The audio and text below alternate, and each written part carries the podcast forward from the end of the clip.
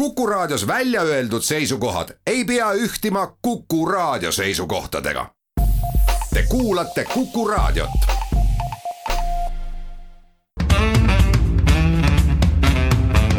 muuli ja Riikoja. tere päevast, kell on seitse minutit üle üheteistkümne algab saade Muuli ja Riikoja. Indrek Riikojat on tänases äh, saates asendamas Ulla Länts, minu nimi on Kalle Muuli, tere Ulla. tere päevast, tere Kalle, tere kuulajad. alustame siis oma saadet äh, nädal aega kerinud äh, teemaga sellest, et Eesti riik, konkreetsemalt siis rahandusministeerium on sõlminud ühe lepingu USA advokaadibürooga kolme miljoni euro väärtuses või dollari väärtuses mille puhul siis äh, on avaldatud arvamust, et advokaadibürool on huvide konflikt ja ta võib hoopis esindada kedagi teist peale Eesti riigi, nimelt rahapesijaid üritame majanduse poole pealt sel nädalal avaldatud positiivsetest majandusnäitajatest midagi head ka välja lugeda. Äh, kolmandaks räägime noh, kas nüüd üle pika aja, vaid aga äh, ütleme siis, et üle mõne aja räägime koroonast, äh, viirusest, mis on siis äh, eelkõige Tartus levimas ja jutuks võtame sellegi, et riigikontroll on meie e-residentsuse programmi kontrollinud ja leidnud, et e-residentide taust vajaks täpsemat kontrollimist. ja et saates oleks natukenegi suve, siis äh, räägime võib-olla ka tänavate sulgemistest, mis on erinevates Eesti linnades, eelkõige siis Tartus ja Kuressaares ja veel mõnes kohas noh, mõningast elevust tekitanud. muuli ja Riikoja. aga alustame siis äh, lepinguga, mida tegelikult äh, enamik inimesi, kes sellest räägivad, kaasa arvatud meie, ei ole näinud, sellepärast et leping on konfidentsiaalne. nii nagu advokaadibüroode lepingud oma klientidega sageli Äh, ja, ja siis etteheide, mis kerkis eelkõige Eesti Päevalehest. on see, et on palgatud Eesti riiki esindama äh, advokaadibüroo, millel on huvide konflikt äh, noh, tegelikult nendest süüdistustest päris täpselt mina aru ei saanudki, milles, milles nagu süüdistati, sest vahepeal käis väga kõva jutt ka sellest, et. näete, et ta on ikkagi esindanud rahapesijaid ja nagu valesid inimesi esita-, esindanud, et selles. selles äh, süüdistuste virvarris siis nagu, nagu kahte asja võiks nagu esile tõsta, mida, mida on esitatud, et huvide konflikt justkui on. ja, ja teisest küljest, et on, on esindanud ka rahapesijaid äh, ehkki Eestis ta siis, Eestit ta esindab siis Äh, väidetavalt ma pean kasutama sõna väidetav sellepärast, et ei ole ju lepingut näinud. esindab siis selles äh, huvis, et saada kätte äh, osa trahvist, mida võib-olla USA-s mõistetakse välja Danske pangalt selle eest, et ta on tegelenud rahapesuga.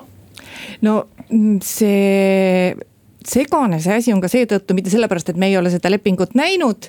Eh, vaid ka seetõttu, et eh, noh, nagu sa ütlesid, et sellised lepingud ongi konfidentsiaalsed. et üsna segaseks ikkagi jääb, no sa nimetasid, et me tahame kaitsta oma huvisid. aga üsna segaseks jääb vaatamata sellele, et kui see leping sõlmiti, siis anti ka pressikonverents Eestis ja see vastav inimene, kellest nüüd nii palju on kirjutatud eh, minu meelest oli seal ka kohal. aga, aga päris täpselt ikkagi noh, ei ole ju aru saanud, et äh, miks meile, miks meile üldse seda lepingut on vaja, et seesama lausekatke, et huvi, meie huvid oleksid seal esindatud. et äh, et mis nende huvide peal äh, või mis nende huvide all silmas peetakse, kas seda, et kui kelleltki tuleb välja nõudmisele mingisugune rahasumma, et meie saame ka sealt mingisuguse nutsu. on see huvi see, et et äh, meid koheldakse kogu selles süüdistuste protsessis õiglaselt. on seal veel mingisugune kolmas huvi, et äh, nagu öeldud, lepingut pole näinud, ei tea ja minu meelest äh, kõige kõige tabavam tsitaat, mille vist eile pani kirja ühes pealkirjas ERR-i portaal oli see, et kui välisminister ütles, et me ei lähe palkama endale mingisugust Hercule Poirot sealt Ameerikast, kes seda asja uuriks. et siis ma arvan, et see piltlik väljend üsna hästi iseloomustab seda protsessi, sest vot sellel on veel teine pool, et üks pool on see, et meie huvid oleks kaitstud. me ei tea ju ka seda, et missugust informatsiooni me oma riigist ja kogu sellest protsessist peame selle huvide kaitsmise ajal ise välja andma. et, et kui räägitakse sellest, et võib-olla meie partnerid tänu sellele, et me sellist imelikku skeemi või imelikke tüüpe ja huvide konfliktis olevaid tüüpe või bürood kasutame, et. et lisaks sellele võib-olla meie partnerid eh, võib-olla neile ei meeldi, et me anname välja ka informatsiooni, noh, mida me võib-olla antud protsessis ei peaks välja andma.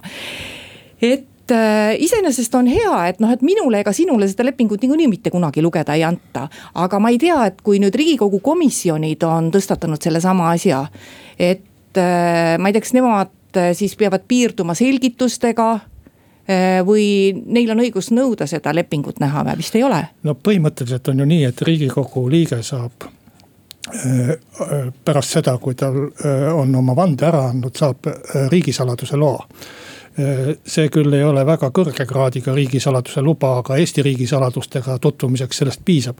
ma ei tea, mis tempel seal lepingul peal on, kui seal on AK tempel või, või, või mingisugune Eesti riigisaladuse tempel peal siis äh, riigikogu liikmetel peaks olema õigus äh, sellega tutvuda, muidugi tingimusel, et nad ei levita saadud infot.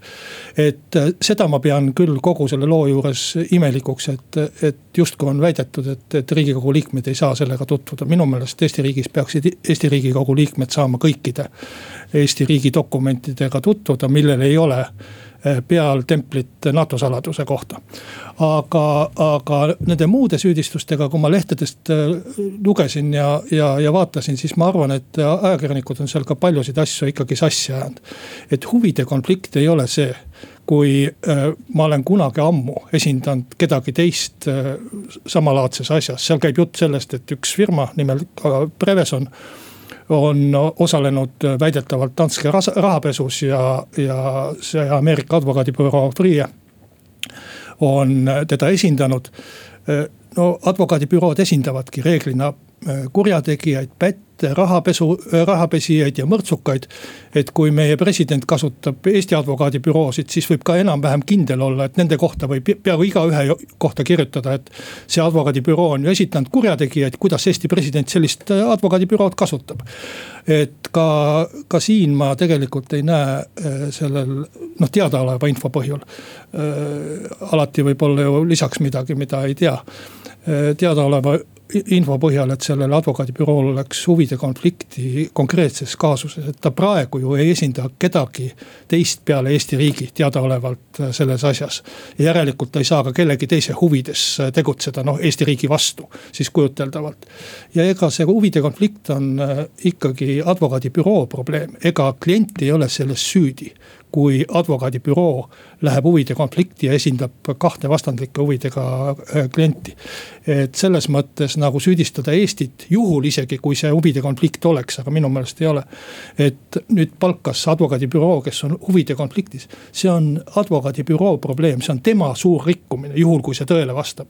ja Ameerikas reeglina pannakse sellised advokaadibürood kinni. nii et niikaua, kui ta tegutseb, võime olla üsna kindlad, et tal seda huvide konflikti ei ole või vähemalt äh, ei ole siis jõudnud jõutud seda piisavalt uurida. no vot, Kalle, sina oled jurist, et eh, vot kui selline protsess on käimas, et eh, ütleme, see, kes tellib selle teenuse sealt advokaadibüroost, ma tulen nüüd jälle sellesama eh, asja juurde, mida mina alguses ütlesin, et. et me peame ise ka neile mingeid andmeid andma. kas sa näed selles protsessis, et me võiksime anda selles rahapesu uurimises neile näiteks selliseid andmeid, et juhul, kui nad selles protsessis esindavad ka vastaspoolt, et sealt keegi võiks kurjasti ära kasutada seda? no esiteks teadaolevalt nad ei esinda praegu ühtegi vastaspoolt. Nad on kunagi esindanud ühte selle asjaga seo-, seotud äh, äh, tegelast aga, aga see oli mitu aastat tagasi. ja, ja teadaolevalt nad praegu ei esinda äh, kedagi teist. aga need andmed, millest sa räägid, tegelikult Eestis käib kriminaaluurimine sellesama Danske rahapesu asjus. ja need andmed on olemas prokuratuuril ja uurijatel mitte kellelgi muul, ka ilmselt mitte rahandusministeeriumil, need on kriminaalasja uurimise andmed. ja Eesti prokuratuur teeb nii või teisiti äh, Ameerika uurijatega selles asjas koostööd. Äh, absoluutselt puutumata seda advokaadibüroo, bürood juba. et äh, kui nüüd Eesti tahaks mingeid andmeid anda, rahandusministeerium, kes on lepingupartner advokaadibüroole. siis ta peaks küsima neid andmeid äh, uurijate käest, Eesti uurijate käest, prokuratuurist. ja see on siis prokuratuuri ja uurijate enda otsustada, kas nad annavad neid andmeid välja kellelegi. Pole vahet, kas küsib rahandusministeerium, küsib Ulla Länts või, või, või küsib Kalle Muuli et äh, see on Eesti prokuratuuri ja uurijate otsustada ja ma arvan, et see leping Eesti äh, rahandusministeeriumiga sõlmitud leping ei saa kuidagi käsitleda või kuidagi sundida. prokuratuuri andma andmeid, mida nad ei taha anda, nii et see on puhtalt meie prokuratuuri otsus, ma arvan. nüüd on nagu veel üks see asi, mis on selle asja eesmärk, mis me, mis me, mis me saame selle advokaadi või advokaadibüroo käest, mis me saame, kas me saame selles protsessis raha, kas me saame seal järelevalvet et kogu selle uurimise käigus meie huvid oleks kaitstud, mis see meie huvi on, mis me saame, miks meil seda vaja on? no on räägitud ju seda, et, et juhul, kui ameeriklased mõistavad Danske rahapesu skandaali eest Danskelt mingisuguseid summasid välja, et kuna Eesti maine on kahjustunud ja, ja Eestit on alusetult siin Äh, süüdistatud igasugustes asjades, et siis me võiksime sellest trahvist mingi osa saada. minu meelest on see üsna selline orastepel ja kahtlane lootus.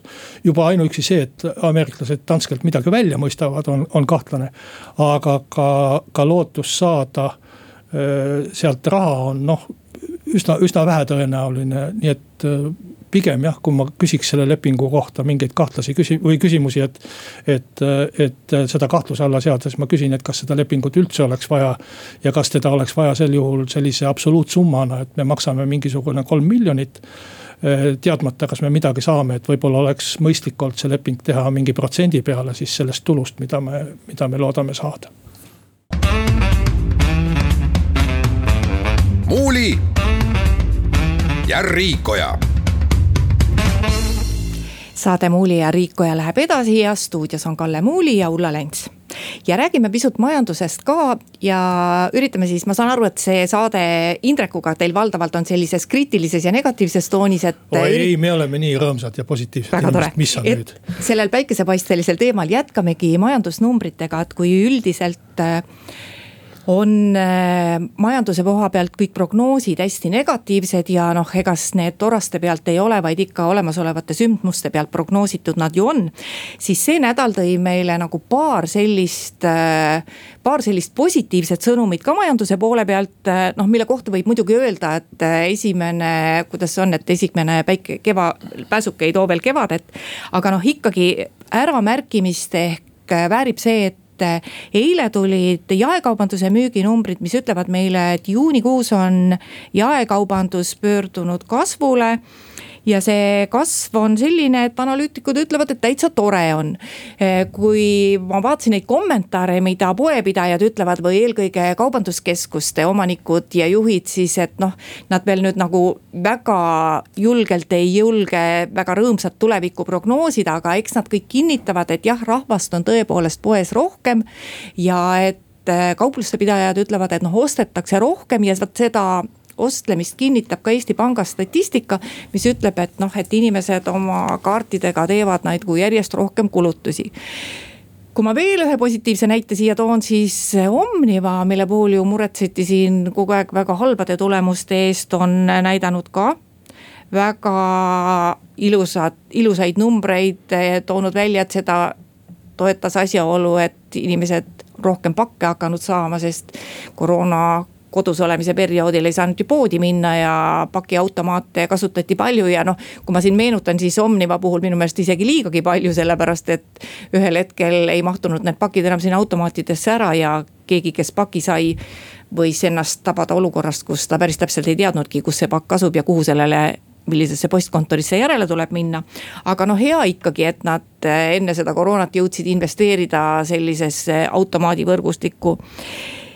ja mis seal nüüd veel öelda, et eh, kui veel vaadata statistika poole pealt, siis inimestel tundub, et kõigele vaatamata, et see tööpuuduse ja töö kaotuse oht on õhus olemas, siis ega hoiused ka just väga väikesed praegu ei ole. nii et katsu nüüd midagi negatiivset öelda siia peale. ei saa ütelda, aga ei, ma kohe ütlen loomulikult, et see on ainult sõnastamise küsimus, aga ma omalt poolt lisaks su loetelule mis ei olnud just väga pikk.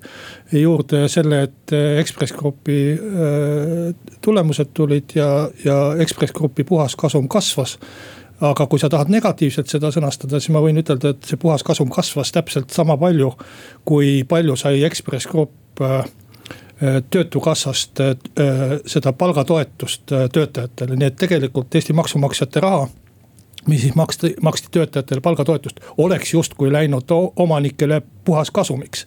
et äh, vaata niipidi või teistpidi, aga, aga laiemalt kui sellest samast Ekspress Grupi tulemusest äh, tõukuda, siis võiks ju ütelda, et ega enam ei saagi aru, mis on nagu majanduses hea või halb või, või.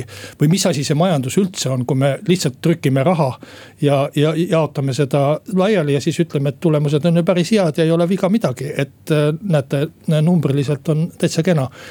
et tegelikult selline noh, riigikapitalism või riigi tugi on majanduses läinud seoses selle kriisiga Äh, nii suureks, et äh, äh, noh, tõe teadasaamiseks ja ja võib-olla isegi siis ei saa tõde teada, aga, aga ütleme niiviisi, et tõepärasemate tulemuste saamiseks peaks ära ootama aja.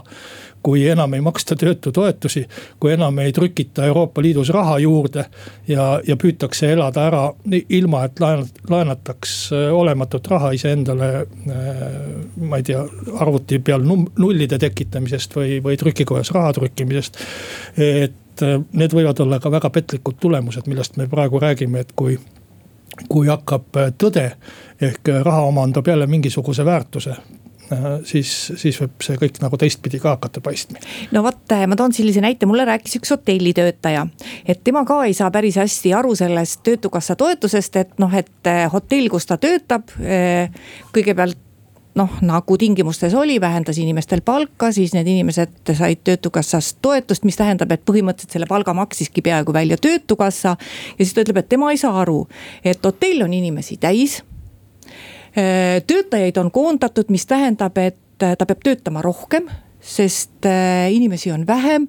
Äh, töötukassa toetuse näol see palk on tal olemas, aga kui ta vaatab, palju ta siis pangaarvele sai, siis ta saab ikkagi natuke vähem. aga ta saab ju aru, et ega see hotelli omanik ei ole talle siis nagu seda palka maksnud. ja siis ta ütleb, et ta ei saagi nagu aru, mis toimub. ega, ega tegelikult ongi nii, et, et selleks pead olema ikka väga-väga äh, kõrge pangandustegelane, et üldse aru saada, mis nagu toimub, et ma ütlen omast, omast käest ka, et. ega väga raske on tegelikult aru saada sellisest majandusest nagu praegu Euroopa Liidus ja, ja noh, Eestis ka on, eriti pärast seda kriisi. aga üks paradoks veel, kui, kui tahta selle kohta äh, mingisuguseid sellist kummastavaid asju te, üt, öö, välja tuua. Ulla, ütle, mida me siis ta, tahame, enne kriisi me rääkisime, et peaks vähem tarbima. peaks vähem loodust reostama, peaks vähem lendama. mäletate, Rootsis oli isegi lennuhäbi, inimesed ei julgenud ja siis, kui tuli kriis. ja, ja nüüd pärast kriisi me räägime, et küll on hea, et tarbitakse ikka rohkem, küll on hea, et inimesed on ostma hakanud. küll on tore, et turistid lendavad.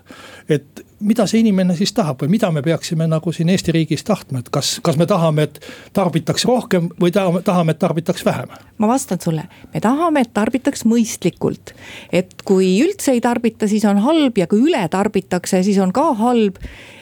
et me tahame, et tarbitaks mõistlikult ja võib-olla, võib-olla see kriis, kui see ühel hetkel läbi saab ja me sellest kõik eluga välja tuleme, võib-olla see panebki tarbima mõistlikult. mis puutub reostamisse, no vaat selle koha pealt nagu ei ole küll mingisugust lootust, et asi paremaks läheb, sest selle koroonakriisi tõttu me nüüd reostame iial rohkem kui iial kunagi varem. ma käisin just ka puhkusereisil ja nägin, kuidas hotellis oli iga nuga ja iga kahvel eraldi kilekotti pannud ja pandud ja noh, mõtle, missugune, missugune hulk kilekotte ühekordses tarbimises. jah, enne kriisi me rääkisime kõvasti, et äh, sõitke ühistranspordiga, nüüd ütleme, et ärge ühistranspordiga mitte mingil juhul sõitke ja, ja nii võidki sa inimesena hulluks minna, et äh, kuni, kuni sa kuulad, mida kõike räägitakse nii, aga loodetavasti leiame selle kuldse kesktee.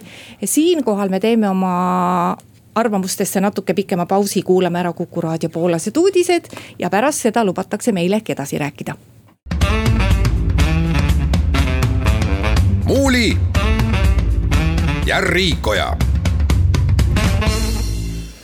jätkame saadet stuudios Ulla Länts ja Kalle Muuli.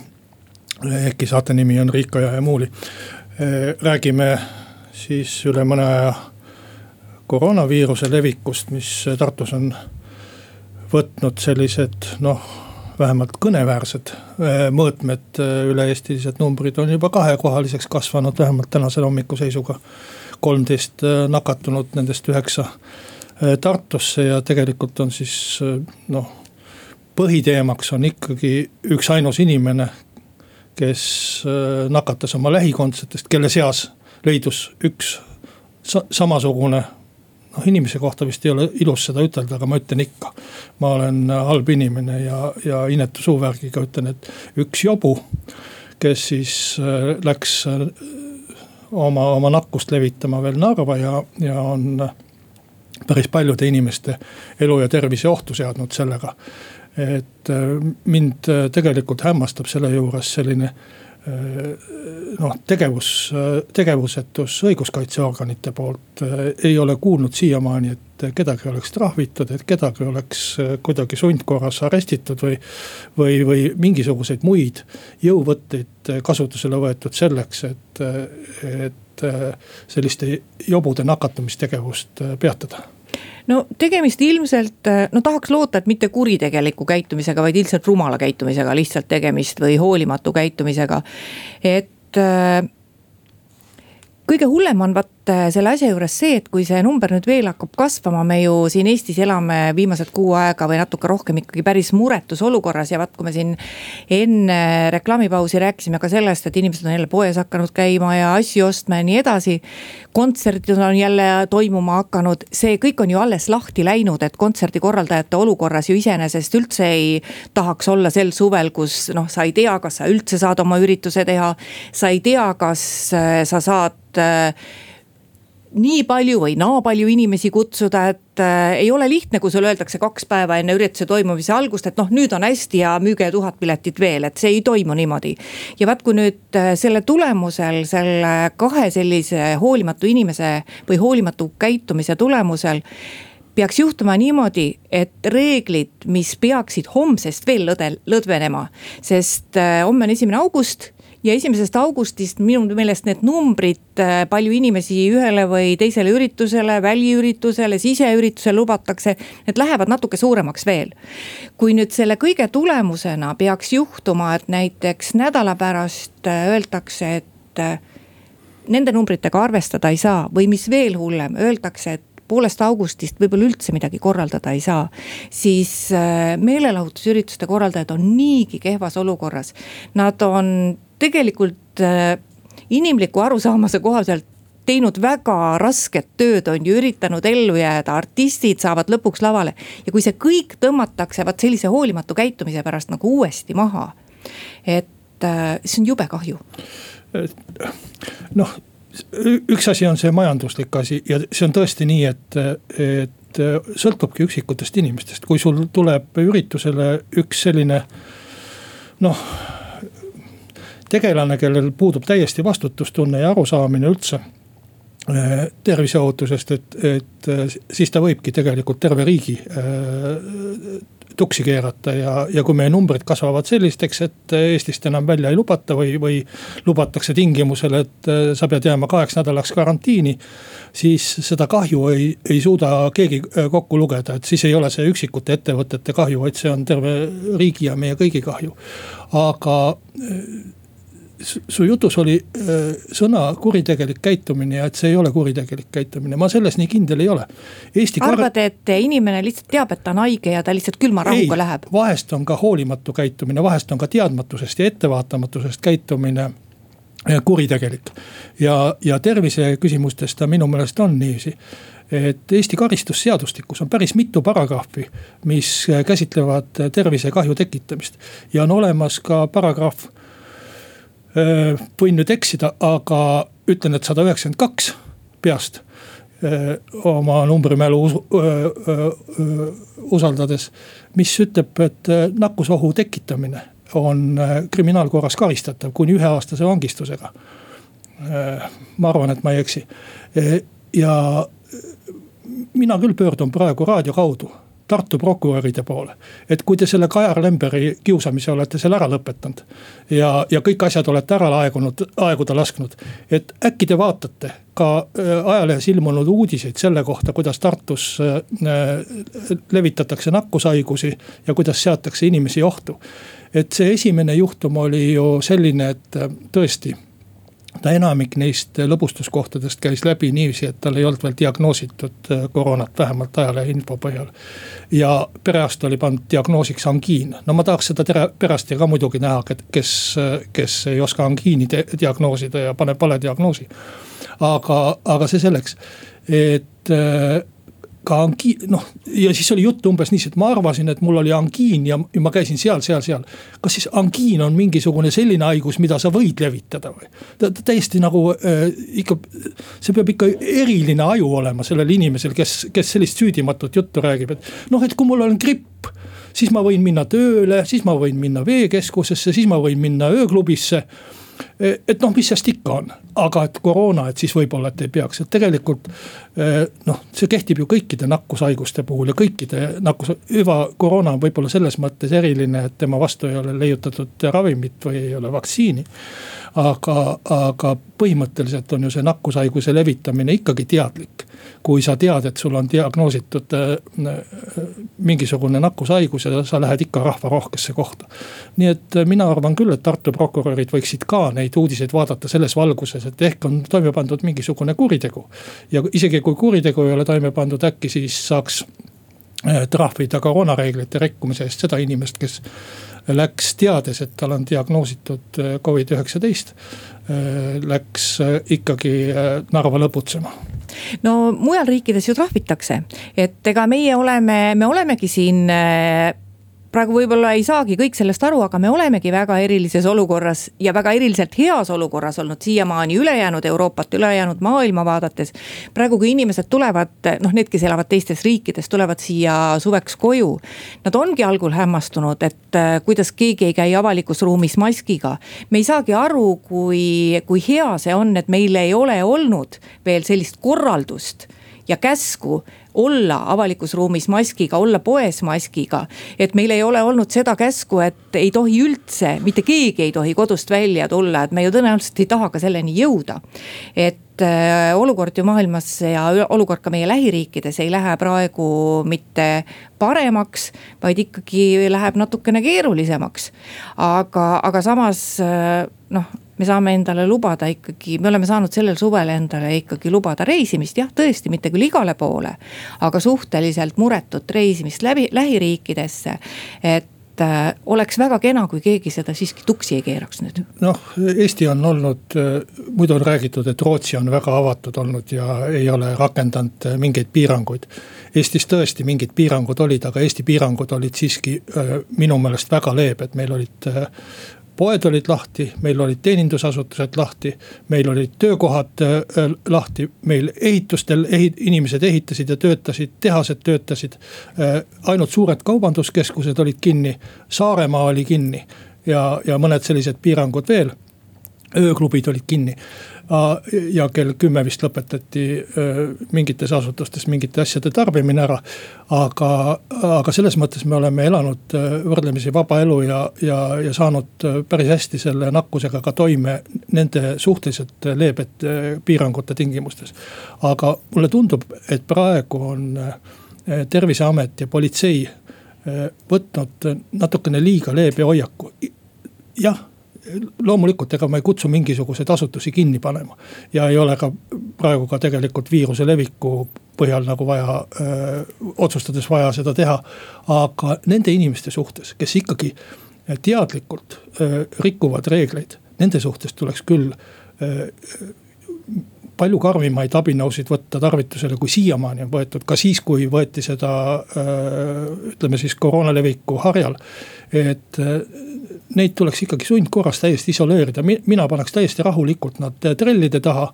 kui nad ise vabatahtlikult ei suuda ennast isolatsioonis hoida, et siis, siis ei ole, ei jää muud midagi üle teiste inimeste kaitsmiseks selle nakkuse eest ja ma arvan, et meie seadustes ja reeglites on piisavalt võimalusi selleks, kui tahetakse tarvitada. ilmaasjata on võetud selline leebe hoiak, et, et las see viirusekandja käib mööda ööklubisid ringi. Muuli ja Riikoja saade Muuli ja Riikoja läheb edasi ja stuudios on Kalle Muuli ja Ulla Lents riigikontroll avas, avalikustas sel nädalal ühe kontrollimise tulemuse, kus siis kontrolliti e-residentsust. see on programm, millega nüüd juba üle viie aasta on tegeldud.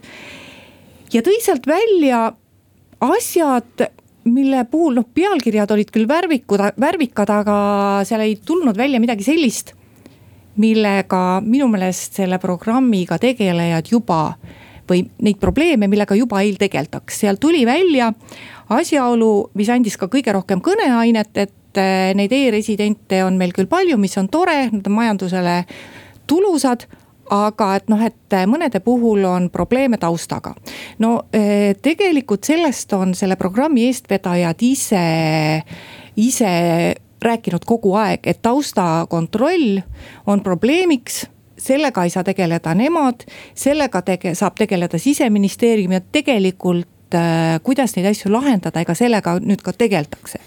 selge on ju see, et äh, ega, ega seda lugu, et noh, ega kõike nagunii lahendada ei saa, et eks seal ikkagi mingisugune selline väike probleem jääb sisse, et saab ikkagi mõni kõige puhtama minevikuga tegelane ka võib-olla selleks Eesti e-residendiks. aga et, aga et noh, et öelda, et tänu sellele e-residentsusele saame me nagu Eesti e-residentidena palju pätte juurde, et noh, see oleks nüüd küll ülekohtune ja see oleks ka vale. et et selles valguses ega midagi väga erilist ju välja ei tulnud noh, numbritest äh, rääkides, numbrid mulle meeldivad. nelikümmend kaheksa oli see number, mida siis äh, Soome e-residentide puhul leiti. et äh, on isikuid, kes siis on, kellel on kehtiv kriminaalkaristus või kes osa neist oli vist isegi suisa vangis, istus parajasti sel ajal, kui nad olid e-resident e-residentideks ennast Äh, registreerinud. Äh, samas ma ei leidnud äh, sellest riigikontrolli aruandest, võib-olla lugesin ka üle rea ja diagonaalis. ei leidnud numbrit, et kui palju meil neid Soome residente üldse on. olid küll üldnumbrid, et palju meil üldse e-residente on aga palju neid Soomest oli, noh Soome kohta see nelikümmend kaheksa tundub ikkagi päris palju, et, et nelikümmend kaheksa pätt Lätti, kellest osad olid siis veel majanduskuritegude eest ja kellel kehtiv karistus. et ju on siis ikkagi ka teatud pättide ringkonnal nagu äh, spetsiifiline huvi saada e-residendiks, et, äh, et ju neil peab olema mingisugune mõte ilmselt nad saavad siis oma ärikeelust või asjast mööda hiilida, kui nad suudavad kuskil teise, teises enda, teises riigis endale mingisuguse ettevõtte teha või, või asja. nii et noh, aga samas ma ei näe ka võimalust, kuidas see üldse kinni keerata riigikontrolli aktist tuli küll välja üks imelik asi, see, et politsei- ja piirivalveamet ütleb, et neil ei ole võimalik Soomest andmeid saada. aga riigikontrollil järsku oli võimalik andmeid saada, kes olid karistatud ja kes mitte. Aga tege-, tegemist on ju teise riigi mõttes ikkagi ehm, delikaatsete isikuandmetega eh, nende karistatuse kohta ja, ja kui ei ole ju kriminaaluurimist siin, siis on äh, naljakas põhjendada neid järelepärimisi, et millega sa üldse neid andmeid kätte saad ja üle, üle maailma neid järelepärimisi teha, noh see tundub täiesti võimatu olevat, et ma arvan, et sellist süsteemi ei ole võimalik tekitada, kus me teame kõikide e-residendi taotlejate tausta, nii et peaks välja mõtlema mingisuguse muu reegli, kas nad peavad ise siis endale taustadokumendid hankima või või tegema seda kuidagi keeruliseks, aga ma arvan, et nii ei tohiks ikkagi käega lüüa, et ah, noh, mõned pätid ikka sekka satuvad, et sellist asja ei tohiks ikkagi lubada, et peaks olema süsteem, mis ikkagi välistaks selle asja.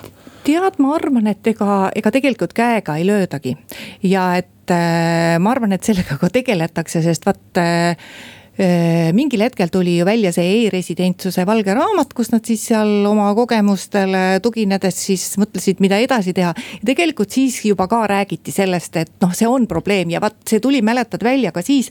kui meil tekkisid esimesed e-residendid ja seal tekkis see probleem pankadega pangaarvete avamisega, et pangad ka nõudsid seda taustakontrolli, et sa ei saanud nii lihtsalt, kui algul loodeti, et e-resident saab selle konto endale avada. et see probleem on tegelikult kogu aeg õhus olnud ja ma ei saa öelda, et et selle programmi eestvedajad sellega ei tegele, teiselt poolt noh, kui me vaatame nüüd üleüldse kõiki, kes, kes saavad tulla siia kasvõi meie Schengeni ruumi või ütleme ka füüsilise isikuna. siis ega siis mingisugune risk, et pätid siia pääsevad ka kuidagi läbi see on alati olemas, et äh, lihtsalt küsimus on selles, et kas sellega tegeletakse nii palju kui võimalik, nii palju kui saab. ja et seda riski nüüd minimeerida. noh, see Soome number, mille sa välja tõid, äh, see on, on tõesti nii, et äh, võib-olla seda, kust said andmed kätte riigikontrolli auditi tegijad, võib-olla peaks küsima, keda keegi ei ole küsinud, et kuidas nemad said need, selle tausta kätte ja kuidas siis dokumentide väljaandjad ei saanud. ei oska öelda noh, ma arvangi, et, et üks võimalus, kuidas seda äh, olukorda ikkagi lahendada, on see, et e-residentsuse taotleja ise peab hankima endale teatud tõendid ja teatud andmed. ja, ja tõendama võib-olla ka seda, et ta siis oma kodukohariigis või, või selles, selles kodakondsusriigis äh, pätt ei ole, mis nagu läheb veidi vastuollu sellise üldise õigusloogikaga, et keegi ei pea tõestama seda, et ta kaamel ei ole aga noh, antud juhul on, on tegemist sellise väga erilise teenusega või väga erilise residentsuse või elamisloa liigi, liigiga. et võib-olla seal, no ma saan aru, et, et need inimesed, kes jälle e-residentsust veavad, et need ei ole sellest kindlasti vaimustunud, et teha e-residentsuse taotlejatele asja kogu aeg keerulisemaks ja raskemaks, et lõpuks sa pead hankima endale sellise hunniku dokumente, et see e-residentsus ei tasu ennast ära, et mitu aastat need vaeva, et tõestada, et üldse oled valge inimene. oi, nüüd ma ütlesin jälle mingi šovinistliku lause, oih, küll läks pahasti, et et äh, nii see, nii see elu, elu on, aga, aga ma arvan, et, et riigikontroll siiski on osutunud, osutanud probleemile, mida me ei, me ei saa ignoreerida. et see läheb äh, üha suuremaks.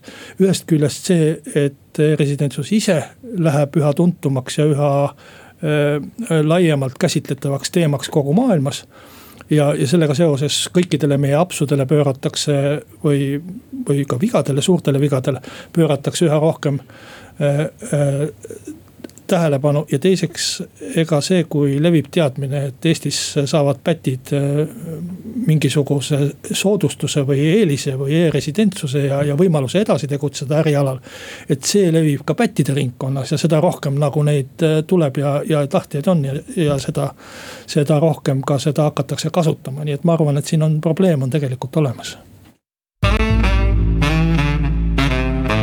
Muuli ja Riikoja. jätkame saadet, äh, Ulla Lents, Kalle Muuli.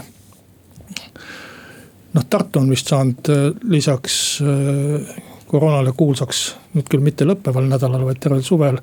oma autovabaduse puiesteega, kus siis pandi terve suur ja oluline tänav linnas kinni selleks, et noh, ma ei teagi, mis see eesmärk täpselt oli, aga kahju ei ole selle eluga nii kursis, aga, aga et eh, seal saaks siis eh, jalakäijad olla ja, ja saaks mitmesuguseid ettevõtmisi ja üritusi korraldada. no samasuguseid asju on tehtud mõnes teises Eesti linnas veel, Kuressaares oli suur, võiks ütelda sõnaline lööming selle ümber. ja, ja linnarahvas või jagunes peaaegu kahte lehte poolt ja vastu ja eks, eks selliseid katseid ole tehtud ju, ju mujal ka veel ja, ja vahel on isegi Tallinnas räägitud, et paneme mõne tänava igaveseks selliseks peatänavaks, kus saab ainult jala käia. no vot, sellega ongi nii, et iseenesest on ju tore et jalakäijatel on rohkem võimalusi, aga kui sa seda teed, siis sa pead arvestama sellega, et autoliiklus ei kao kusagile, ehk siis sa pead üsna ühemõtteliselt ütlema, kust need autod siis lähevad. et Eh, noh, Tartus, väga paljud meist on Tartus õppinud ja küll me siis teame, kuidas Tartus ringi sõita. aga kui eh, Kuressaare-sugune või vahest on Haapsalus seal kuskil tänavad kinni. kui nendes väiksemates linnades, kuhu sa satudki suve jooksul üks kord ja sa ei oska sealt minna, sealt ringi minna, aga sa tõesti ei tunne seda linna ja ümberringi on väikesed tänavad. noh, Kuressaare puhul on ju ka öeldud, et ega neil ei ole seda suurt ümbersõiduvõimalust sealt. et siis lõppkokkuvõttes seigeldes oma autoga seal hooviväravast hooviväravasse ja otsida seda õiget kohta, kus siis mööda saab. et ega see ei ole ka mingisugune mõistlik lahendus, et Kuressaare puhul seal oli küll ainult nädalavahetustel see sulgemine. ja seal tõesti oli, see küttis minu meelest veel kirglikumaid vaidlusi üles kui see Tartu teema. aga, aga iga sellise sulgemise puhul väga tore inimesed saavad istuda kohvikus, ükski auto ei sõida, aga öelge palun ühemõtteliselt, kust nad siis lähevad? no asjal peaks ka mõte alati olema ja eesmärk, et mis me sellest kasu saame, mis sellest paremaks läheb. et äh, suletakse ju tänavaid ka spordivõistluste puhuks ja, ja muuks asjaks, et sellel on nagu arusaadav põhjendus, see toob turiste, see toob raha, see elavdab li linna ja mis iganes. põhjustab küll ebamugavusi, aga, aga on nagu äh, arusaadav, mis selle, selle asja ja mõte ja eesmärk on, et täpselt samuti võiks olla ka sellised äh, suvised tänavate sulgemised et nad kindlasti põhjustavad igal juhul ebamugavusi, aga mis on siis see kasu linnarahvale, mis sellest saadakse? aga siinkohal me täna ka lõpetame, Ulla Lents ja Kalle Muuli ütlevad kuulajatele aitäh, et kuulasite. Ja järgmisel reedel uuesti. muuli ja Riikoja